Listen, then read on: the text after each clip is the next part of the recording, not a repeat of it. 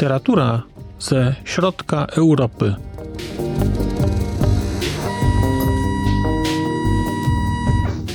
Podcast około książkowy.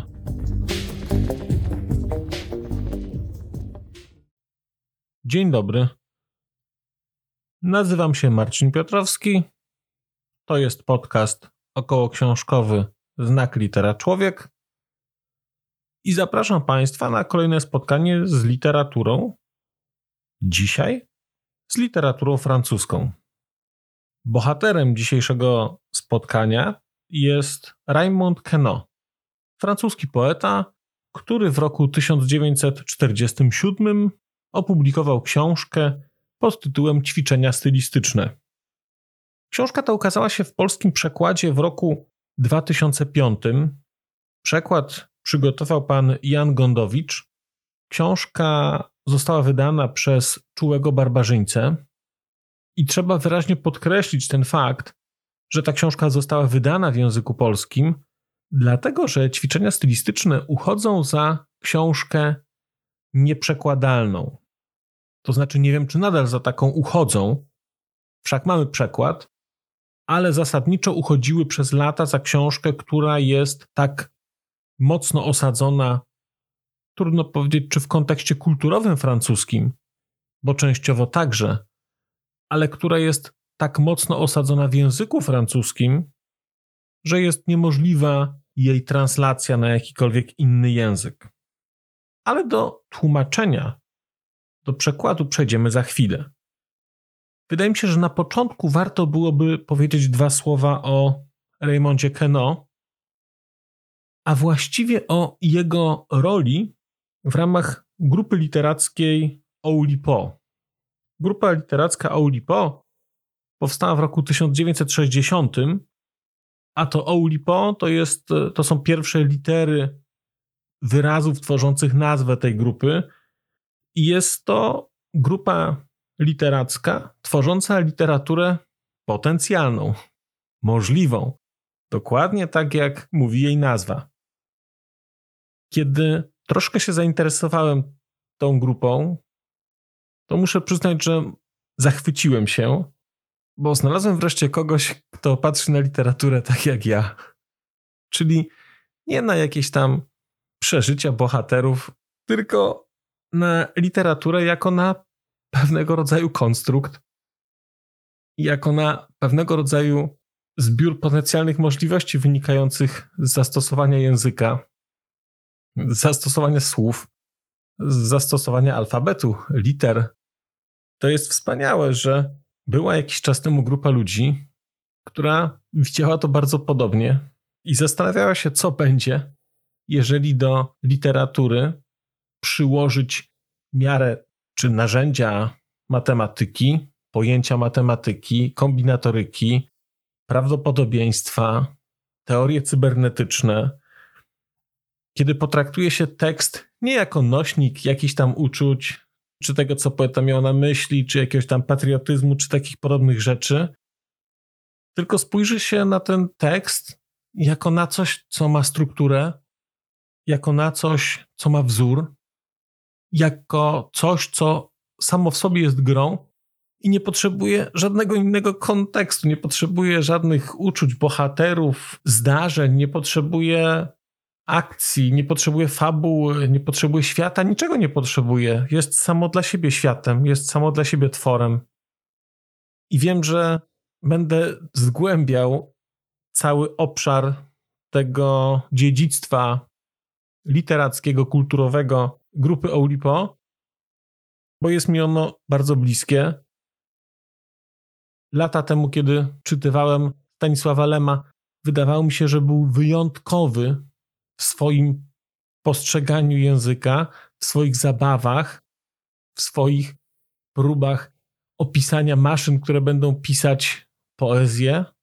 Jak widzę, nie był. To jest wspaniałe, że gdzieś indziej też istnieje życie na innych planetach literackich. Więc mamy Raymonda Queneau, przedstawiciela Oulipo i mamy ćwiczenia stylistyczne książkę, czy raczej książeczkę, bo to jest bardzo niewielka publikacja, która w ogromnym stopniu realizuje założenia teoretyczne tej grupy. O czym są ćwiczenia stylistyczne? Poza tym, że są ćwiczeniami stylistycznymi. To jest książka, której akcje w całości Państwu zaraz opowiem. Bo ta akcja jest bardzo prosta. To jest spoiler. Ale to jest książka, do której kategoria spoilerowości czy spoilerowania w ogóle się nie odnosi. A to z tego powodu, że istotą tej książki jest forma. No ale wejdźmy od początku. Co wydarza się w ćwiczeniach stylistycznych? Otóż w ćwiczeniach stylistycznych dostajemy sytuację bardzo prostą.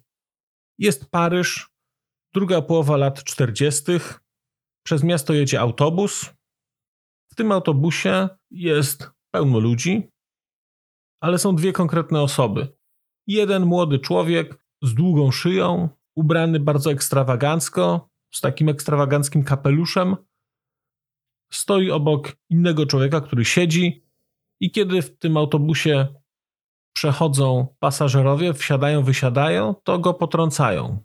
Natomiast ten człowiek młody zwraca się do tego starszego siedzącego z zarzutem, że ten go depta, trąca, kopie wtedy, kiedy ktoś przechodzi. Po chwili dostrzega, że zwolniło się miejsce do siedzenia, przechodzi dalej, siada przy tym miejscu. Jakiś czas później narrator spostrzega tego samego młodzieńca w innym miejscu, gdzie spotyka się z jakimś swoim kolegą, i ten kolega zwraca mu uwagę, że ma źle przyszyty guzik przy ubraniu, że powinien przesunąć jeden z guzików po to, żeby zmienić trochę krój ubrania. Koniec historii. To jest cała historia, która opisana jest w książce Ćwiczenia stylistyczne. No, ale to nie jest cała książka Ćwiczenia stylistyczne, dlatego że to, co usłyszeliście Państwo ode mnie, było tylko interpretacją tych zdarzeń. Jedną z możliwych interpretacji, interpretacją, nazwijmy to jasno, wysoce zwulgaryzowaną, pretensjonalną i dość żenującą stylistycznie. Być może dlatego, że w żaden sposób nie przygotowaną. No, powiedzmy, że tak będę tłumaczył te swoje niedoskonałości wyrażania się. Natomiast w ćwiczeniach stylistycznych znajdziemy 99 wariacji tej historii. Wariacji stylistycznych, bo to będzie cały czas ta sama historia. To będzie cały czas ten sam autobus, ale cały kontekst będzie zupełnie inny, bo będziemy oglądać tę historię oczami innych pasażerów, będziemy oglądać tę historię być może oczami tego samego narratora, ale on będzie te rzeczy wyrażał w różny sposób. I to jest coś niesamowitego, że można czytać z przyjemnością książkę, która 99 razy opowiada to samo. Opowiada to krótko, bo każdy z tych opowiadanek ma po kilkanaście zdań. Niektóre mają więcej, niektóre są nieco dłuższe, dlatego że taka jest formuła. I nie sposób pisząc sprawozdanie z czegoś, napisać go w trzech zdaniach. Wszak wszyscy kiedyś pisaliśmy sprawozdania, prawda? Wiemy, jak się tam pisze i nadmuchuje po to, żeby tak urzędowo nieco brzmiało. Ale żeby dać Państwu teraz trochę kontekst tego, to przeczytam Państwu trzy wersje, trzy opowieści spośród tych 99 i zacznijmy może od takiej najbardziej oczywistej, Każda z tych opowieści ma tytuł, jaka jest główna myśl zastosowana, tworząca ten dany fragment. A więc tak. Sprawozdawczo. W SC godzina szczytu. Typek na oko 26-letni, flaczasty kapelusz o wstążce zastąpionej tasiemką, szyja przydługa, jakby naciągnięta wzwyż. Ludzie wychodzą. Typ, o którym mowa, wścieka się na sąsiada. Zarzuca mu, że go potrąca, ilekroć ktoś przechodzi. Płaczliwy ton, który chce być przykry. Widząc wolne miejsce, rzuca się do przodu. Dwie godziny później spotkałem go na Kurderom przed dworcem Saint-Lazare. Jest z kolegą, który mówi: Powinieneś zafundować sobie przy płaszczu dodatkowy guzik. Pokazuje mu, gdzie, przy wycięciu i dlaczego. Koniec opowiadania pierwszego, koniec opowiadania sprawozdawczego. Teraz przejdziemy do opowiadania. Do opowiadania. Przejdziemy teraz do fragmentu, który jest zatytułowany telegraficznie. Bus pelen stop. Mlody dluga szyja kapelusz w kolo oplot beszta anonim pasazera bez ważny powód stop. Sprawa, palce, noga, uraza, nacisk, obcas twierdzi celowo stop. Urywa sport dla wolne miejsce stop. Cztern 00 plac rom, mlody slysy, kolega rada moda stop. Wyzej guzik stop. Podpis Arcturus. To było spojrzenie telegraficzne. A teraz coś z zupełnie innej beczki, czyli, czyli fragment, który jest zatytułowany Odziasto. Raz w autobusie w S autobuchu, miejskim biegusie, autobambuchu, co szlakiem zmierza promenadowym średnio na jeża w trybie kursowym, przy Monceau Parku obok Monciaku, gorąc jak w garnku w kanikulaku, widzę Wisusa z szyją tubusem, w kapel szajbie z kapeluszusem. W tym autobusie, w tym autobuchu. A kapelszajbę mu kapelucha otacza galon na pół palucha, aż autobuta zeń autobucha. Przy czym świrusa, przy czym świrucha, tłum dając susa przy wyjściu szturcha i chudy szajbus z szyją tubusem żali się lewus przed swym platfusem, że będzie kasus, bo da po uchu. Tu w autobusie, w autobambuchu. Ale ordynu z tego dandysa ma wręcz za minus i mu to zwisa i śmiech z psikusa od ucha bucha w głąb autobusa autobieżucha. Więc chudy nerwus z szyją tubusem złożyć kuperwus przebiega kłusem w autozaurusie tknięty mortusem na forteluchu nie dla śmierdziuchów. A z fotelucha nie dla śmierdziuchów, ja, tytan ducha, opiewacz ciuchów, za godzin par, jakiś czas po, przy Saint-Lazare, przy Saint-Lezo, gdzie słychać gwar wytwornych go, widzę Fajfusa z szyją tubusem. W płaszczu Dandusa z jakimś kumplusem, w przystępie bzika, w spaźmie bzikucha, na tle guzika, na tle guzucha, przy autobiku, przy autobuchu. Jeśli ta oda, moja oducha, ciut was poruszy, ciut was porucha, wierzcie poecie, uwierzcie mi, że tak się splecie, że w pewnej chwili wśród autotłoczy, w autoszczytusie, aż nagle oczy wybałuszycie, zjawi się zgrywus z szyją tubusem, w kapelcudusie pod kapcudusem, wraz z swym guzikiem, wraz z swym guzuchem w tym autobusie. S autobuchu, autobibusie, autobambuchu. To były trzy ćwiczenia. Tych ćwiczeń jest 99. Są napisane w przeróżny sposób. Są napisane prozą, są napisane wierszem, są napisane na różne sposoby. Są napisane tylko przy użyciu wyrazów na literę P, tylko przy użyciu wyrazów na literę R. Są anagramy. Są anagramy na poziomie liter, są anagramy na poziomie słów, są grupy. To samo zdarzenie jest opisywane z punktu widzenia matematyki, teorii zbiorów. Jest nawet, a to jeszcze Państwu przeczytam, jest nawet trzynastozgłoskowiec. Wsiadłszy razu pewnego w linii S-autobus, ujrzałem głąba ekstraklasy, co na globus z kwaśnym wyrazem gęby nadział kapelucho. Z jakimś sznurkiem miast wstążki zsunięte na ucho, zrzędząc przy tym, choć młody, nad rzekomym pechem, prężąc szyję przydługą, zionąc zgniłym dechem, jako że pewien sąsiad, co się zdał ostateczny, trącał go wciąż, a był to zarzut niedorzeczny, ilekroć człowiek kolejny, sapiąc, tudzież ziając, właził na obiad w gniazdku domowym zdążając.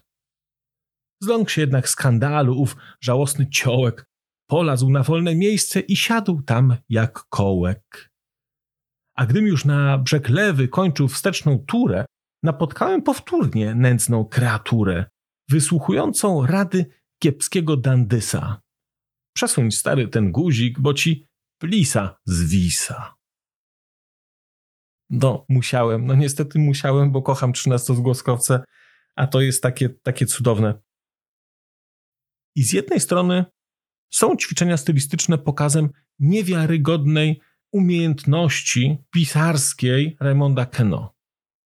Niewiarygodnej kreatywności. Ale z drugiej strony myślę sobie, że ta książka, konkretnie jej polski przekład, jest przykładem na jeszcze większe umiejętności pisarskie, umiejętności translatorskie Jana Gondowicza. Bo to, co tutaj się wydarza na poziomie napisania, to jest jedna historia. Ale to, co się wydarza na poziomie przekładu, to jest druga historia.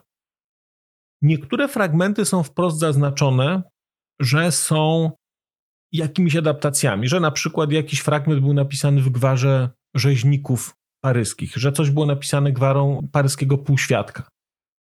Niemniej jednak całość tej książki jest stylistycznie doskonale osadzona w takim języku, powiedziałbym, lat 50., 60. Tak się w tej chwili już nie mówi, ale to wszystko tutaj pasuje. To znaczy, tak się kiedyś mówiło, jeszcze jak, jak pamiętam literaturę młodzieżową z moich czasów, z lat 70., kiedy ją czytałem, to te historie, które były z lat 50. i 60., to był taki właśnie język. To jest język, który chociażby jest w wojnie domowej. No to są te lata i te lata są tu oddane. Więc to jest taka zgodność językowa na poziomie, powiedziałbym, czasu.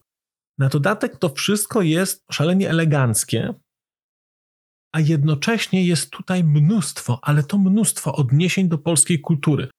Tu są fragmenty, tu są cytaty z piosenek, Państwo odnajdą sobie pojedyncze e, fragmenty cały wątek, wątki greckie, które tutaj są, które są odniesieniami do polskich też tłumaczeń Iliady, kiedy tam była, jest róża no palca Jutrzenka, no, no, no cudo. Nie wiem do końca, jak można tłumaczyć takie rzeczy na poziomie tych wszystkich anagramów, na poziomie tych gier, które się tutaj pojawiają. Te gry są tutaj obecne cały czas. Troszeczkę jest tutaj porobionych przypisów. Znakomicie to jest zrobione, bo one wprowadzają kontekst. Na przykład, dlaczego o konduktorze się mówi kataryniarz? Dlatego, że miał na zawieszony taki automat do kasowania biletów, gdzie się kręciło korbką. To jest opisane tutaj, to, to, jest, to jest świetnie zrobione. Natomiast nadal uważam, że ta książka jest dużo, dużo trudniejsza do przełożenia niż do napisania. Na poziomie napisania to był koncept i się tworzyło, a tutaj to wszystko trzeba oddać i to się udało znakomicie. No i teraz jest pytanie w takim razie, po co w ogóle taka książka jak ćwiczenia stylistyczne? Bo to niewątpliwie ta książka wprawia w dobry humor. To znaczy, jak Państwo będziecie ją czytać, to zaręczam. Zaręczam Państwu, że będziecie się śmiać. Po prostu będziecie się śmiać i cieszyć się pięknem języka, tym, jak można pewne rzeczy przedstawić, jak można napisać poezję o tym, że ktoś wsiada do, do, do, do autobusu i kogoś potrąca. Co z tego można wyciągnąć? Pytanie po co? No i na początku miałem takie wrażenie, że rzeczywiście po nic, że jest to czysta zabawa formą, ale po jakimś czasie, jak się czyta kolejne i kolejne i kolejne, to dochodzi się do wniosku, że jednak jest tutaj coś głębszego. Bo tak naprawdę to jest rzecz niby oczywista, ale bardzo rzadko mamy okazję w tak wielkiej liczbie spojrzeć na dane zdarzenie w bardzo różny sposób. Najczęściej mamy jedną albo dwie narracje, może trzy. A tutaj mamy tę historię opowiedzianą 99 razy na bardzo różne sposoby. I poza tym, że pokazuje to ogromną kreatywność i taką adaptowalność języka, tego, że jesteśmy w stanie pewne rzeczy powiedzieć, to z drugiej strony pokazuje też to, jak bardzo fakt, jak mówimy, determinuje to, co się wydarza. Będziecie Państwo czytać tę historię, zobaczycie, że tam się pojawiają różne fragmenty, różne dodatkowe informacje, które się pojawiają tylko dlatego, że są stosowane jakieś środki stylistyczne i w jednych miejscach one są, a w innych nie ma. I całe to zdarzenie nabiera dodatkowego kontekstu. Tam się pojawiają kolejne osoby. I jesteśmy w stanie te osoby ponazywać, że ktoś jest poetą, ktoś jest policjantem, ktoś coś widział, ktoś potem kogoś przesłuchuje. I okazuje się, że jednak to wszystko gdzieś ma, ma znaczenie. I to nie jest tylko o zabawie. To jest jednak o tym, że sposób, w jaki się wyrażamy, co jest banalne oczywiście, ale wydaje mi się, że rzadko o tym zapominamy, bo najczęściej mamy tylko tę jedną narrację albo dwie, którą widzimy albo którą ktoś nam opowie. Rzadko mamy do czynienia z sytuacją, gdzie mamy tak wiele tej literatury potencjalnej, tych światów potencjalnych, których nie ma. Tutaj mamy i to jest fantastyczna rzecz. Też ciekawą rzeczą jest to, o czym gdzieś wspominałem na początku, mówiąc o swojej nieumiejętności opowiedzenia tego i o takiej zwulgaryzowanej wersji tego, co tutaj mówię.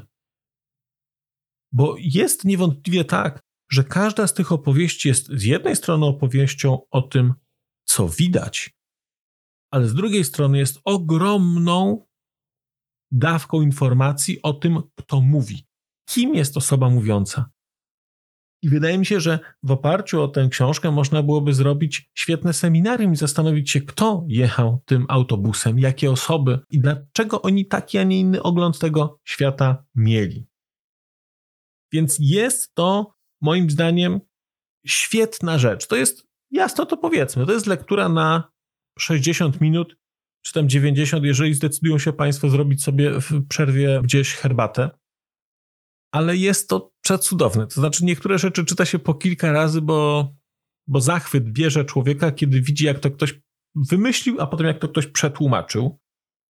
Świetnie się to wpisuje w ogóle w cały kontekst postmodernizmu i takiego zabawy formą, skupienia się literatury na samej sobie odrzucenia całej historii, całej jakiegoś tam dziedzictwa kulturowego i po prostu bawienia się językiem, zapisem tego, co można zrobić, drukując pewne rzeczy, jak można anagramować.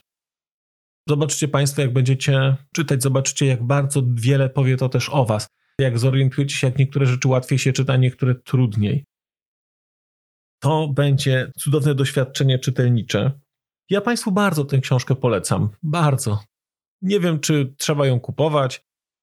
Ja na pewno sobie tę książkę kupię, bo będę do niej sobie wracał, nawet po to, żeby, nie wiem, się poinspirować czasami przy różnych okazjach, ale też, żeby podbić sobie humor, bo widzę, że to jest książka, która bardzo jest rzeczywiście taka zionąca taką radością, skorzystanie z języka po prostu, zionąca radością kreatywności językowej na poziomie i pisarskim, i translatorskim.